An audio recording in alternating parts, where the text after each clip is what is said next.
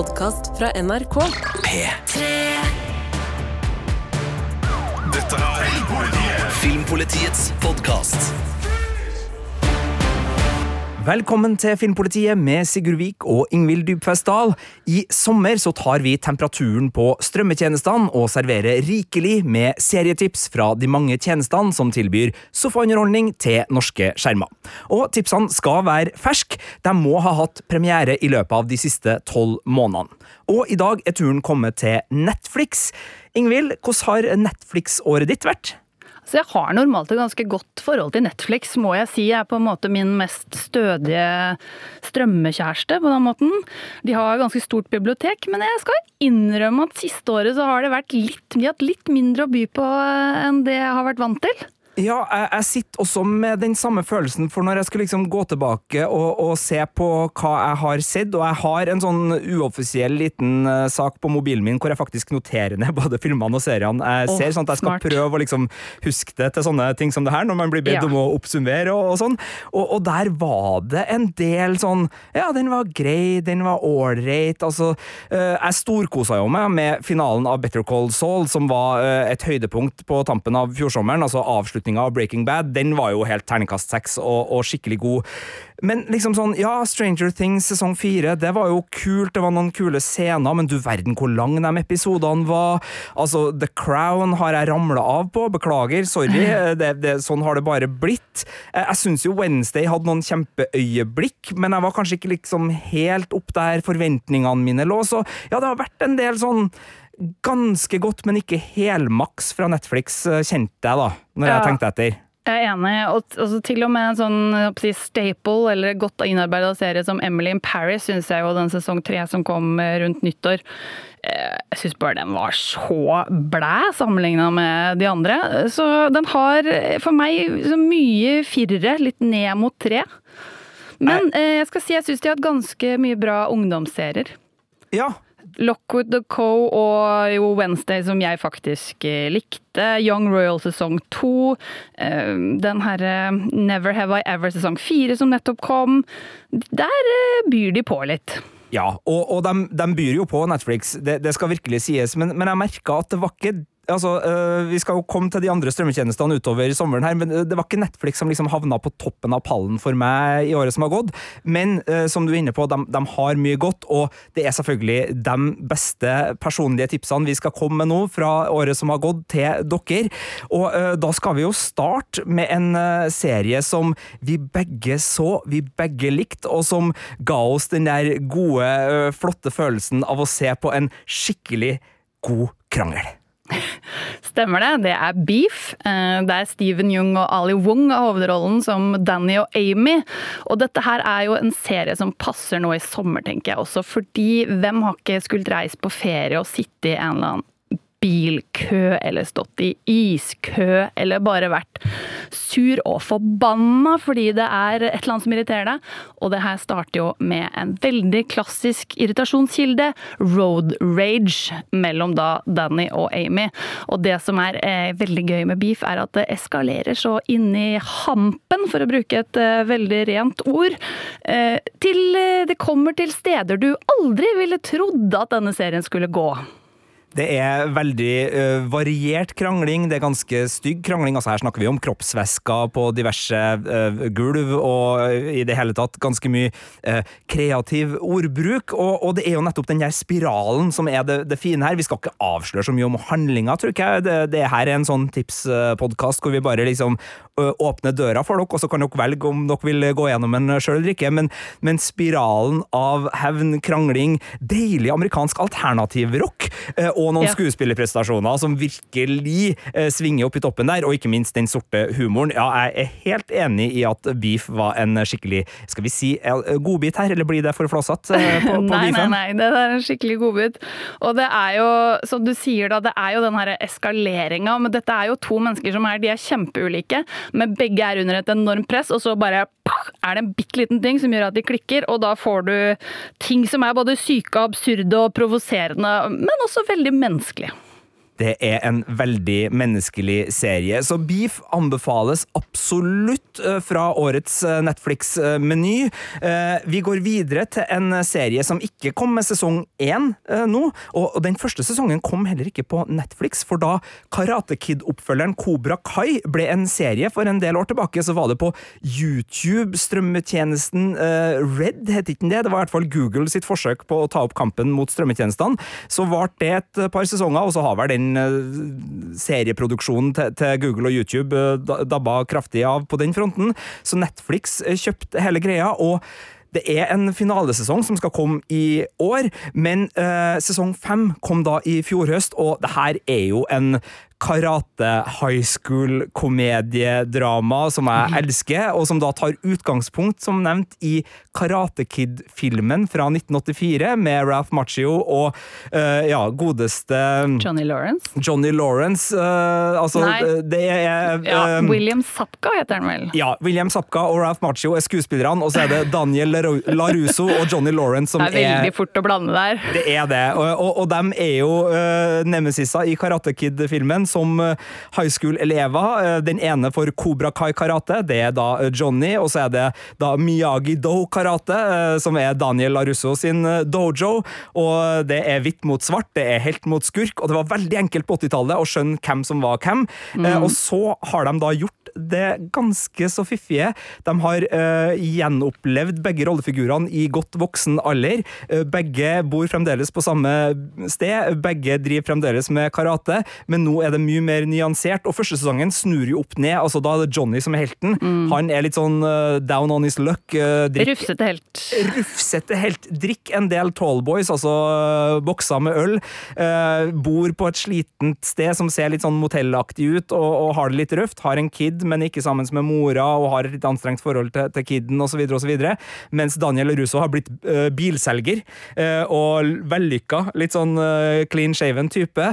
Og med det som utgangspunkt så spilles jo Karate Kid-biten ut på nytt. Og for dem som er glad i serien How I Met Your Mother, så er det her litt artig, fordi jeg vil jo si at det her comebacket nesten starta der. Fordi um, rollefiguren Barney Stinson, han mener jo at Karate Kid-oppfatninga blant folk flest er feil, for det var jo Johnny Lawrence som egentlig var helten i den opprinnelige Karate Kiden òg. Det var han som var best i karate, det var han som var stjerna på high school, og så kom han derre uh, tølperen uh, Daniel Russo tok dama hans og vant karatemesterskapet med et ulovlig spark. Uh, men eh, så, så, så der starta liksom den her med dere har lest Karate Kid feil, folkens. Alle tar feil, det er Johnny som er helten. Så ble jo William Sapka også med i How I Met Your Mother og gjentok rollen da i kostyme som Johnny Lawrence, og så, litt etterpå, så kom denne Cobra Kai-serien, og grunnen til at jeg elsker den så mye, er fordi at det er en av de beste high school-seriene som går for tida. Den er kjempegod, den har et stort rollegalleri av kids som da har karate som eh, interesse, men som også har alt det andre ungdommer sliter med, og så er det en sånn Eh, dere husker da actionfilmene het Rocky 1, Rocky 2, Rocky 3, Rocky 4, Rambo 1, Rambo 2, Rambo 3, Terminator 1, Ja, Terminator 2 husker i det. Ja, uh, vi som har uh, opplevd 80-tallet og 90-tallet, vi husker disse filmene. Og her, Extraction 1, Extraction 2, siden vi nå er på Netflix-podkasten, Ja. den følger også den stilen. Altså, det er ti episoder per sesong, men hver sesong føles også som en skikkelig god actionfilmoppfølger, og tar historia videre. Så jeg vet at det her ble veldig sånn eh, nesten euforisk skrytete, men det er en av de beste seriene jeg ser på for tida, og jeg gleder meg stort til avslutninga som skal komme på Netflix i løpet av 2023.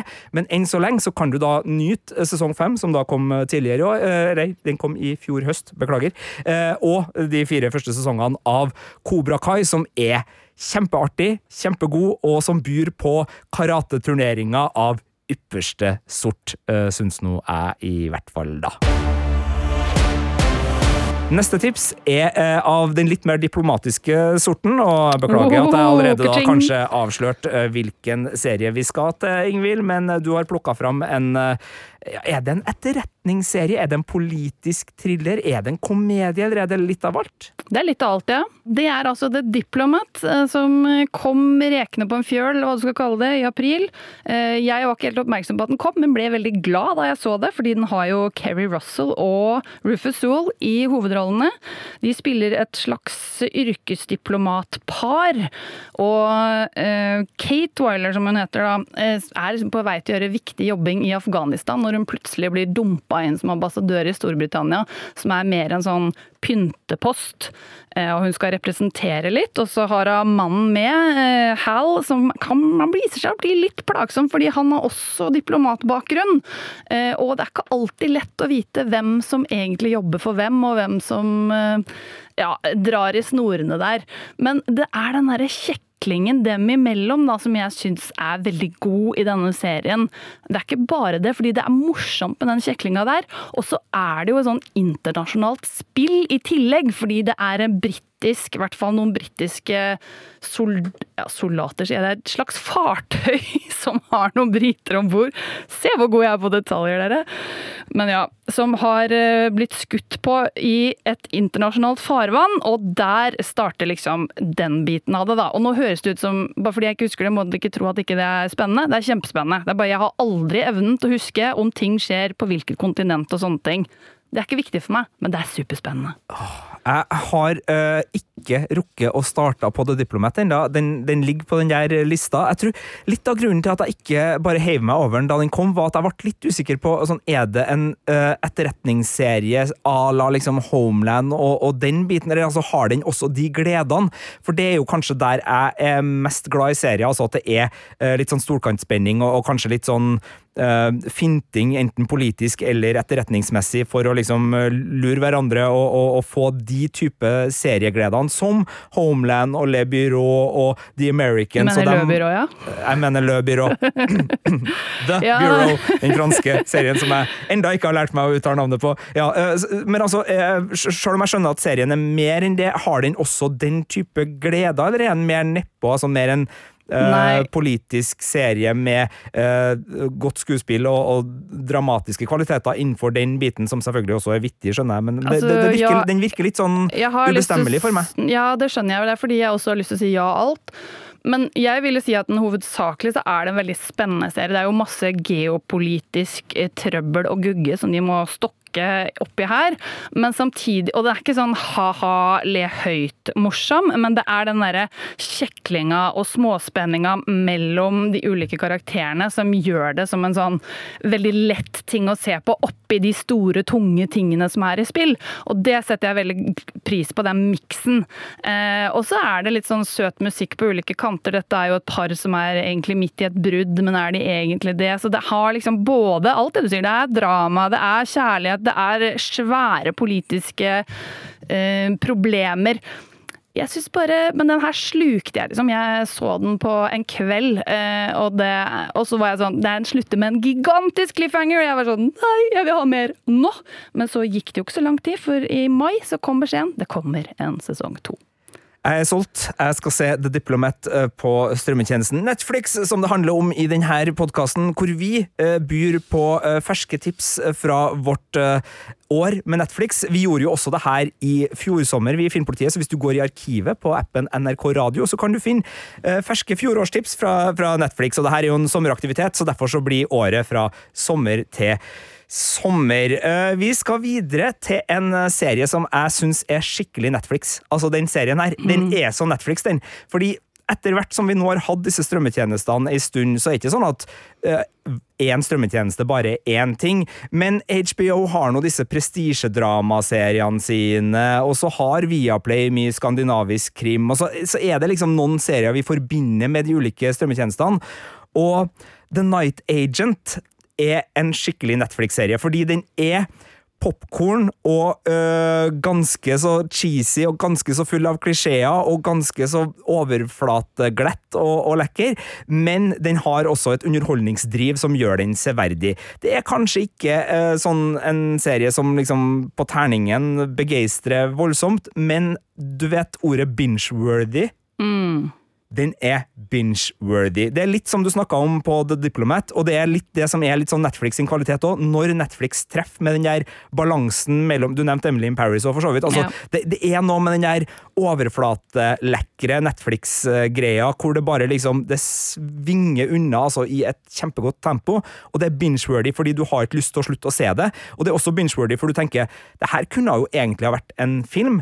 Men så har de gjort det til en åtte episoder eller en ti episoders serie, noe som i utgangspunktet høres litt sånn der, ja, men da har dere jo bare vanna ut plottet, og så blir det bare litt seigt. Noen ganger har de det. Noen ganger så blir det det, men av og til så funker de der uh, massive episodene. Og, og den her kom jo før påske, hvor jeg er veldig åpen for eh, krim og actionunderholdning. Eh, Da er det fremdeles ganske Ja. lange ettermiddager på sofaen for meg. Det, er ikke noe, noe jeg ellers skulle ha gjort. Eh, Så, så da var The Night Agent eh, en skikkelig godbit. Det er da uh, uh, ti episoder, det her, og det handler da om eh, FBI-agent Peter Sutherland, spilt av Gabriel Basso, som etterforsker drapet på to hemmelige agenter som kan ha vært på sporet av en politisk konspirasjon i eh, Washington DC. Eh, og så er det jo ikke så veldig rart å skulle avsløre at eh, jo da, det, det er noen politiske konspirasjoner inn i bildet her, og så er det da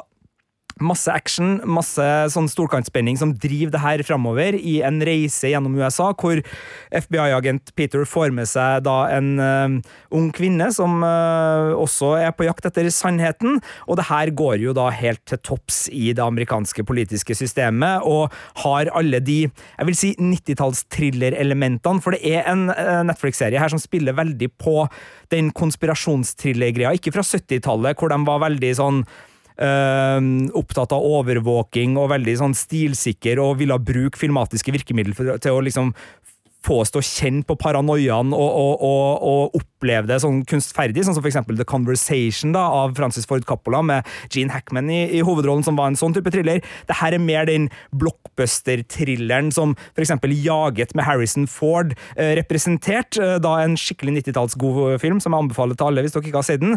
Og, The Night Agent drar det enda litt lenger ut i popkornlandskapet, drar det ut til ti timer, men jeg koser meg. Jeg ville sikkert ha gitt terningkast fire på den her, hvis jeg kjenner meg rett. Jeg er et skikkelig rævhøl som anmelder, og liksom sitter «Nei, det her har jeg sett før, og og det, det er her er klisjéfylt. Ja. Men, men jeg må ærlig innrømme at av de Netflix-seriene jeg har sett uh, i løpet av året, når jeg nå skulle sette meg ned og gå gjennom denne lista jeg hadde på telefonen, så var det for vanskelig å bla forbi uten The Night Agent, uten å anerkjenne Nick. Den her likte jeg. Den her likte jeg skikkelig godt. Ja, The Night Agent var jo faktisk en serie jeg òg slukte, og den gode nyheten for de som liker den, er at det er planlagt en sesong to. Ser det ligger på IMDb at det skal angivelig komme i 2024, så da er det bare å gni seg i hendene og følge med. Og for å runde av vår sommeranbefaling fra Netflix, så har jeg valgt eh, en serie som eh, gir oss en litt annen stemning, nemlig noe romantisk. Det er jo veldig koselig å få litt spredning, for vi var jo kanskje litt mye på sånn eh, kontor med The Diplomat og The Night Agent nå. Eh, ja, jeg, vet jo hvor vi skal, men eh, du får, du får ta oss med dit, Ingvild. Ja, fordi den fulle tittelen her er altså Familien Bridgerton, dronning Charlotte. Jeg syns den er litt kjedelig, må jeg innrømme. Men den indikerer jo, som dere skjønner, at dette er beslekta med Bridgerton-serien. Og dette er en forløper. Den følger altså Queen Charlotte før hun ble queen, eller akkurat idet hun blir dronning. Eh, og det er en ung India Amartefio som eh, spiller henne som ung, og det gjør hun altså kjempebra. Det er en 17-åring vi har med å gjøre, som bare får beskjed om at hun er gifta bort med kong George, og så skal hun altså bli kjent med denne kongen, eh, og de møtes mens hun holder på å rømme over en mur i hagen, så vi kan jo si at de får kanskje ikke den aller beste starten. Og så blir det litt surere derfra, men det er jo hele poenget, da, dere. At det skal være noen utfordringer på denne kjærlighetsstien. Hvis ikke så funker det ikke helt. Så det den har for meg, er jo Nå har vi jo fått flere sesonger med Bridgerton, og denne går litt tilbake til den første, syns jeg, i stemningen med litt sånn god gammeldags, skikkelig romantikk. Altså, jeg grein flere ganger. Eh, og så er hun en veldig sassy, som det kjempegode norske ordet. Eh, som den unge queen Charlotte er. Altså, hun har gumption, også kjempegodt norsk ord. Jeg kommer snart på et godt norsk ord på hva hun har. Mass Tæl. Tæl, ja, Ja, ja. takk. Å, herregud. Tenk om vi skulle gått rundt og sagt det. Vi høres jo ut som vi er 80 år her. Men ja. Dere skjønner hvor vi vil. Dette er ei dame med tæl. Det er veldig bra. Eh, Og jeg syns jo det er veldig fint at eh, Netflix, som på flere av sine serier eh, utvider universet eh, også med, med spin-off-serier ganske kjapt. Altså, eh, Bridgerton hadde vel to sesonger, og så kom denne spin-offen, som er ikke en spin-off, men eh, det samme med The Witcher, som eh, også hadde to sesonger, og så kom jo The Witcher Blood Origin, også da var vel rett før jul. Den syns jeg jo dessverre ikke var på høyde med hovedserien, og det er jo litt leit da, når man liksom merker at sånn, ah, det her var litt dumt. Så, så på forhåndsforventninger så, så var jeg skikkelig gira på The Witcher Blood Orange, og, og ble, ble skuffa. Så da er det jo godt å høre at for dem som har likt Bridgerton, så kan de helt trygt se Queen Charlotte-serien også, uten at eh, kvaliteten eh, dropper nå der, da, hvis jeg skjønner det riktig. Jo, jo, men nå må vi huske på kvaliteten vi snakker om her, er jo tilpassa en slags triviallitteratur, da, oversatt til TV-skjermen. Dette skal jo være litt sånn kjapt og romantisk og Det er jo noen ord man ikke bør bruke her. Mykpornografisk har vært brukt om sesong én. Denne her har vel eh, toucher innom noen erotiske scener, i hvert fall. Men jeg syns det den gjør godt, og grunnen til at jeg ga den en femmer, er liksom at den fanger så godt denne romantiske atmosfæren som, eh, som jeg syns Bridgerton liksom kom inn med som et friskt pust på Netflix, som de ikke hadde gjort så bra før. Ja, og Bridgerton har jo også fått terningkast fem hos oss i Filmpolitiet, så, så var det jeg mente med kvalitet. Altså terningkast fem fra Filmpolitiet er lik kvalitet. Sånn eh, er det jo bare. Så, så kan andre liksom snakke om hvilken type kvalitet, men underholdningskvaliteten og, og eh, godfølelsen Bridgerton-universet. ja, vi later ikke som det er høykultur, men det er veldig gøy og lettlikelig TV-kultur. Det er det så absolutt. Og uh, det har vel egentlig alle de fem tipsene vi har kommet med nå fra Netflix vært. Altså, vi har uh, anbefalt på det varmeste for nyting fra sofaen Beef. Cobra Kai, eh, da sesong fem som er den nyeste, men se nå 1, 2, 3, 4 også, da, det, og, og 6 når den kommer litt senere. Uh, The Diplomat, The Night Agent og Queen Charlotte, som eh, hadde fulle tittel Familien Bridgerton, dronning Charlotte. Dronning Charlotte. Det er eh, tipsene fra Netflix. Og, hvis du vil ha flere tips fra andre strømmetjenester, så er det bare å henge med i appen NRK Radio utover sommeren. Der kommer de til å eh, strømme på. Og det her er din feil, Ingvild, for det var du som tok den vitsen, så den stjal jeg. Og med det så sier Sigurd og Ingvild fortsatt god seriesommer. En podkast fra NRK. Å sitte ute og skåle med dine aller beste venner på sola føler som den aldri går ned, på en kveld der det faktisk er varmt og godt. Kjente folk gir deg skikkelig god feriestemning. Høye danske smørbrød. Smaken av jordbær. Kose meg og høre på musikk. Å få på meg et festivalbånd, en softis, glovarme bilsetter. en dag med lite planer. Hør feriestemning i appen NRK Radio.